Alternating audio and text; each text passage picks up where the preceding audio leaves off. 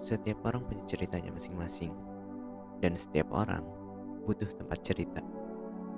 Cerita tentang pengalaman, kesenangan, kesedihan, tentang cinta, keluarga, dan pertemanan, atau mungkin tentang cita-cita dan harapan.